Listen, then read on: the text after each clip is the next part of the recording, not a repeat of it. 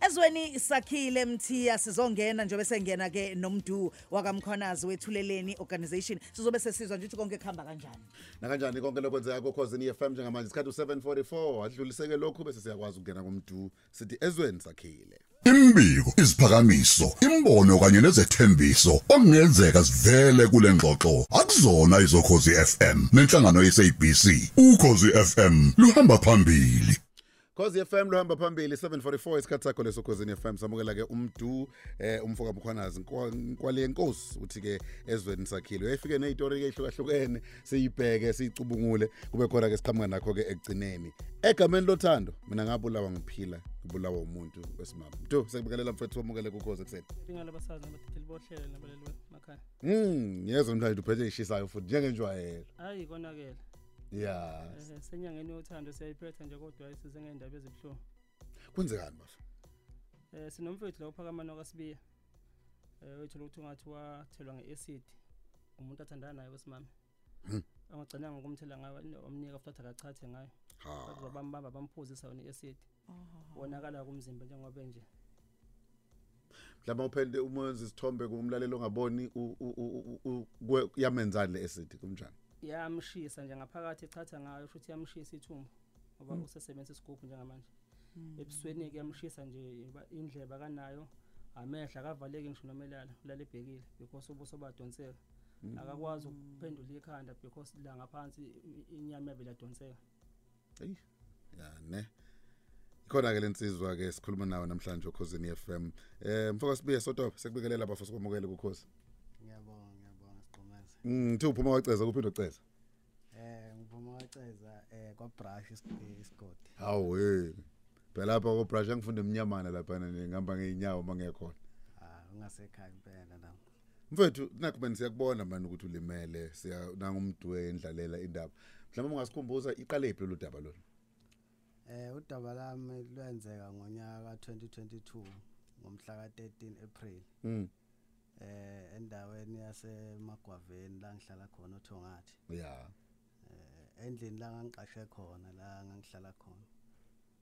Mm. So istory sami eh usisi eh ngangithandana naye ngeso sikhathi. Eh sasi ngoba ngangizogodwa ngemakhaya ku Good Friday Mm. because kwakulesithathu isuku lesigameko Friday ozoba ngolesihlanu. Mm. So usisi lo sasizivumelana ukuthi kumele sibonane before ngigodwe ngemakhaya ngangizohamba kulesine ntambama. ya so savumelana ke eh me ngafika ngibuye emsebenzini ntambama kulesithathu eh wafika emva kwami endlini angihlali naye uhlala eh, kwelinye iflat khona lapho Thongathi mm. So mefika endlini eh wayiphethe i uKerabek lo wase Food Lovers. Wafika wa- wa- wathi ngena ngendlini sa sa wangithatha wanginika ihug njengeyithandana ukuthi ngiyonke into right mm. So mengena wathatha eh wangikhipha ukudla kweKarabek wakubeka phe etafula eh kulo Karabek wakhona ukudla ukhona nalesi sigubhu esasingavezile ukuthi khona wayesikhave nge ngenewspaper. Mm. So ngase ngithi oh into asimeyifika ayifuna ukulala nami.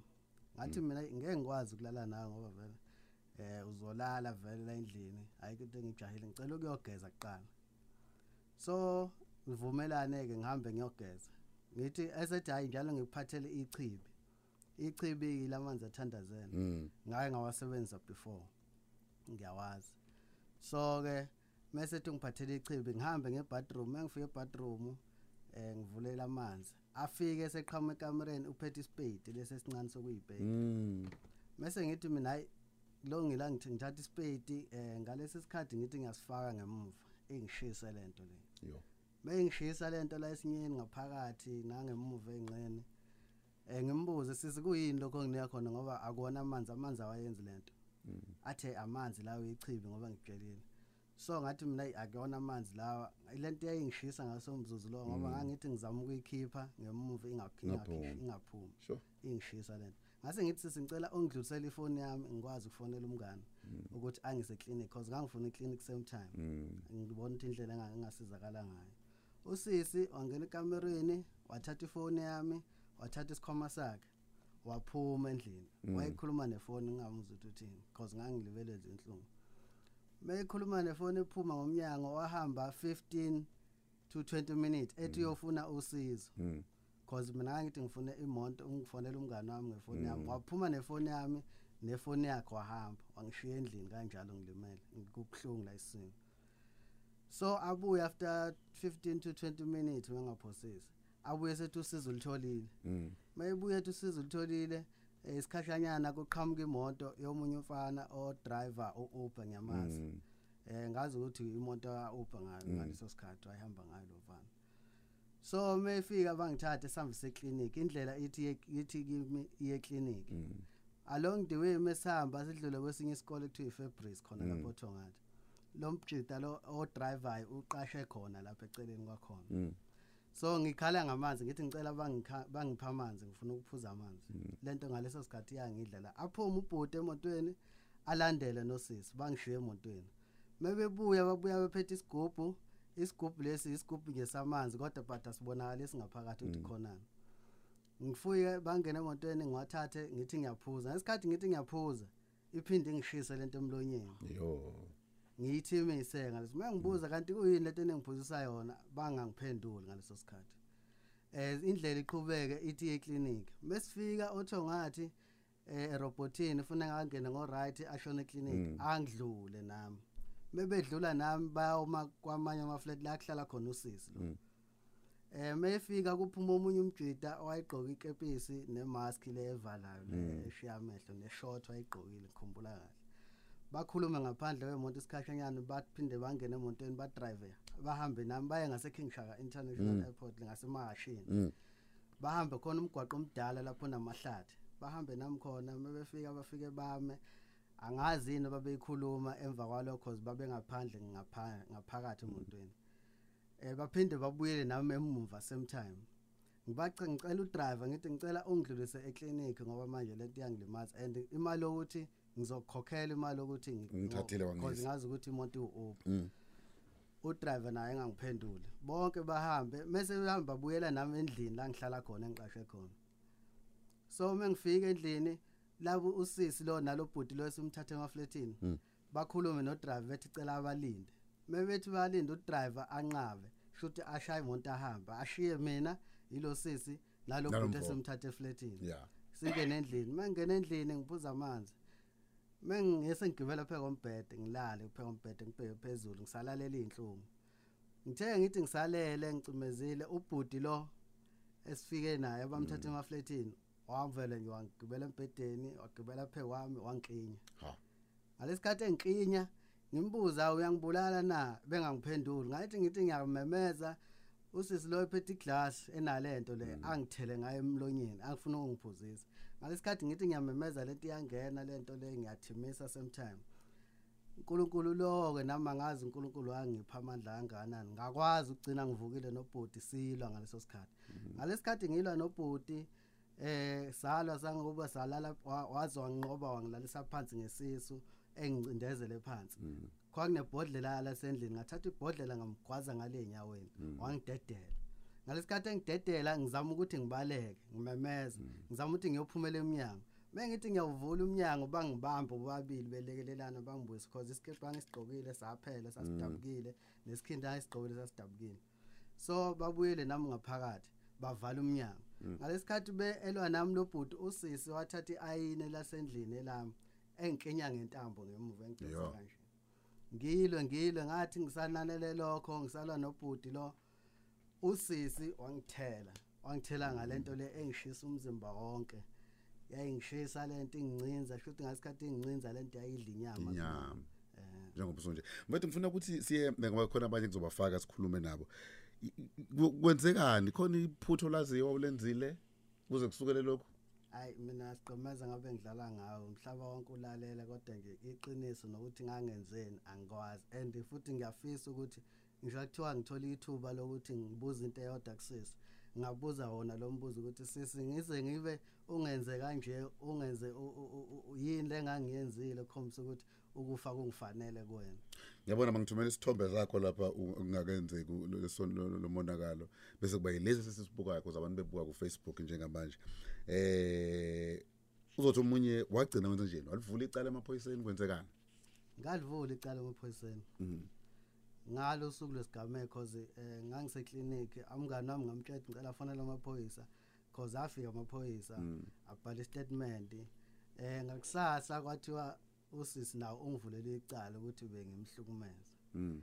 so ethi methi mengimhlukumeza endlini ngangilwa naye.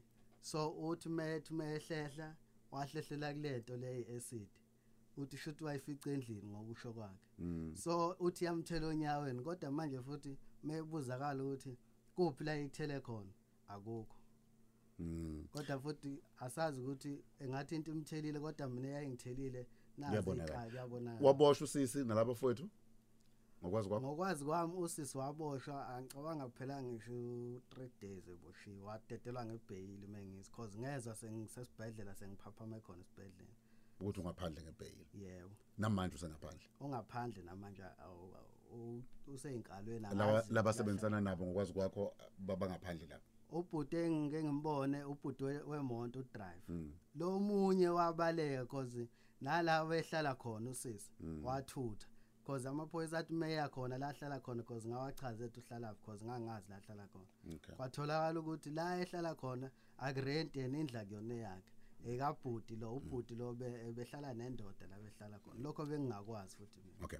Amasekende mbalo mfowethu ngifuna ukuya kumdu eh, angitshela ukuba nabanye abaphethe la yini ufisa ukuyibona yenzeka eh, kulesi simo sonke? Mina eh lokhu kwejustice ngikubekelela emaphoyiseni cause yona into engiyifuna kakhulu. Nanokuthinini ukusizoko lo ngakwesikhumba sami ngoba ey ngihlukumeza kakhulu ngesikhumba. Angikwazi kwenza lutho. Ya kuyasho umuntu Ngidonsekile yonke tsheke into. uyalena kuya- kuyinzima. Angikwazi nje kwenza lutho nje. Sengifana nje nomuntu nje. Hayish man. Phepheza mfowethu mdu usiphathele ubani namhlanje? Hey sinihamba nodokotela uMpanza la. Mhm. Eh oeshotile afane eUKZN University of Westville angazi ngisho kahle. Mm. Eh nebaba wenjile foundation babuthemba njilo. okay asiqale ngudokotela eh thabekhulu kwenziwa kanjani mase kunje khona esingakwenza kule nsizwa Sibingelela abalaleli emakhaya nabasakazi bonke eh nomfowethu Sodobe nomdu nabo bonke abakhona e-studio. Ah uMpanza iUniversity yakwaZulu Natal kumnyango wakwa occupational therapy. Mm. Eh kukhona okungenzeka kumfowethu eh eh ama odokotela laba ababizwa ngama plastic surgeon. Surgery, yes. Yes, sesiba consultile samthumela umfowethu khona bayenza iassessment yokuqala eh babheka ukuthi ikupho kungalungiswa kumele kulungiswe ekhaleni kulungiswe emehlweni kulungiswe endlebeni kulungiswe entanyeni. Kuningi okufanele kwenziwe okuzodinga ukuthi kwenziwe kancane kancane. Kancane kancane. Si sisenza ke yonke ke nezinwele zakhe kufuna zilungiswe zizokwazi ukubuya ukubuya. Zithi ukubuyela la kufanele zibe khona. Eh nokudonseka lokho kusentameni kuzokwazi ukuthi kwehliseke. Eh basasenzela ke ama consultation further nokuthi bathole eh ukuthi kuzobiza kangakanani. Kodwa nje ukubeka isithombeni umlaleli kuyinto ezobiza ngoba mhlawumbe izodlula lapha ku 700,000 yo. ukuthi kwenziwe wonke lo msebenzi. Kodwa ke sizowathola kahle eh imininingwane yonke uma se udokotela osibhekela umfowethu se esinike konke. Eh sophinde simsize ke thina ngokwaka therapy ke ukuthi asizakale nasengqondweni asizakale athole ukwelulekwa kahle kanjalo nesikhumba sakhe siqhubeke futhi sisilekelele. No siyabonga mina. Lokho kwa- ile yangena ngokuchatha ngokwazi kwakho noma eh ngazi ngifaka emkhakheni ongekuwona ayilikho damage yayenza noma kungewona umkhakha wami lowo kodwa idamage yenzeka ingakho umfowethu esebenzisa isigubhu njengamanje ukuze akwazi ukuthi asizakale. Kodwa nje idamage yenzeka ngoba iacid mayifika cabanga lokho nami. Ucabangeke ingaphakathi lithambe kakhulu Ikwazi ukudla ingaphandle kanje. uma lidla ingaphandle kangaka kwenzakalani ke ngaphakathi babo njelo sekubingelela mfowethu njilo foundation. Ukhona kuyindoda esuka ihlale mase kwenzeka izinto. Nanti udaba lobuhlungu lalensizwa mfowethu. Nithema niluzwa kwafika kanjani kunina njenge foundation kukhona okunyakaza okuncane okwenzekayo? Eh ngiyabonga siqhemeza ngibikelela nje abalaleli eh bokhosi FM eh ey isimo sasodobe simbi kakhulu. Eh bathe mabefika izolo ofisini benomdu eh eyingathinte kakhulu. Siya nje kudoko siya nje kudokotela eh nabo njoba ubaba udokotela umpanza esho. eh la ebesirefere khona ayuthemebeka ayingabona ukuthi kunzima kakhulu. Njobe ebeka leyo mali ay imali enzima ngempela abathe mabe beya kuyona ngabo ukuthi kunzima kakhulu. Okwami nje sigqemeza ngiyakubona nje kokuhlukunyezwa kwakho mfowethu enye into eseceleni. Kodwa ke njengamanje kufanele asizakale. Mina nje ukuzocela nje bonke osomashishini base South Africa ngicele bonke abaseyinhlanganweni e- ezizimele eh ke sihlanganeni sibone ukuthi yini esingayenza. And nohulumeni imbali ukuthi yini into esingayenza ukulekelela lensizwa yakithi ngoba upaneke ngempela ubambekile. Thina sike sambona eqimbile sinaye lapha kudokotela uyabona ukuthi ene isimo simbi ngempela.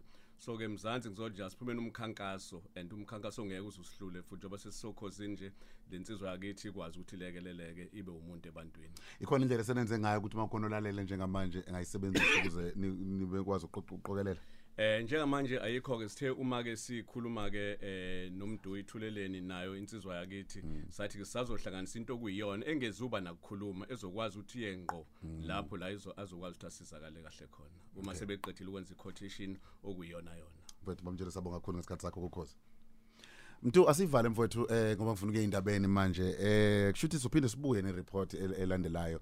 Em ngenza njani mawukuthi ngilalele njengamanje? Khona ngibonayo ukuthi ngakwazi nami ukuthi kunyakazeke kube khona okwenziwayo. Eh siyacela nje abantu kancane basibekezele balinde sizongena impela mase sibuyile si- uzovula i-trust account yakho mfethu.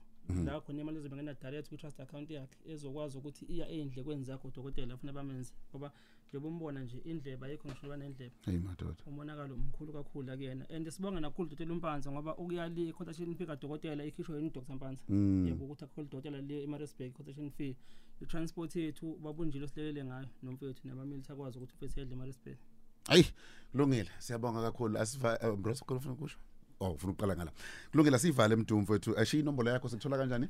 Eh inambeni ithi 0677893082 ikhona kuWhatsApp.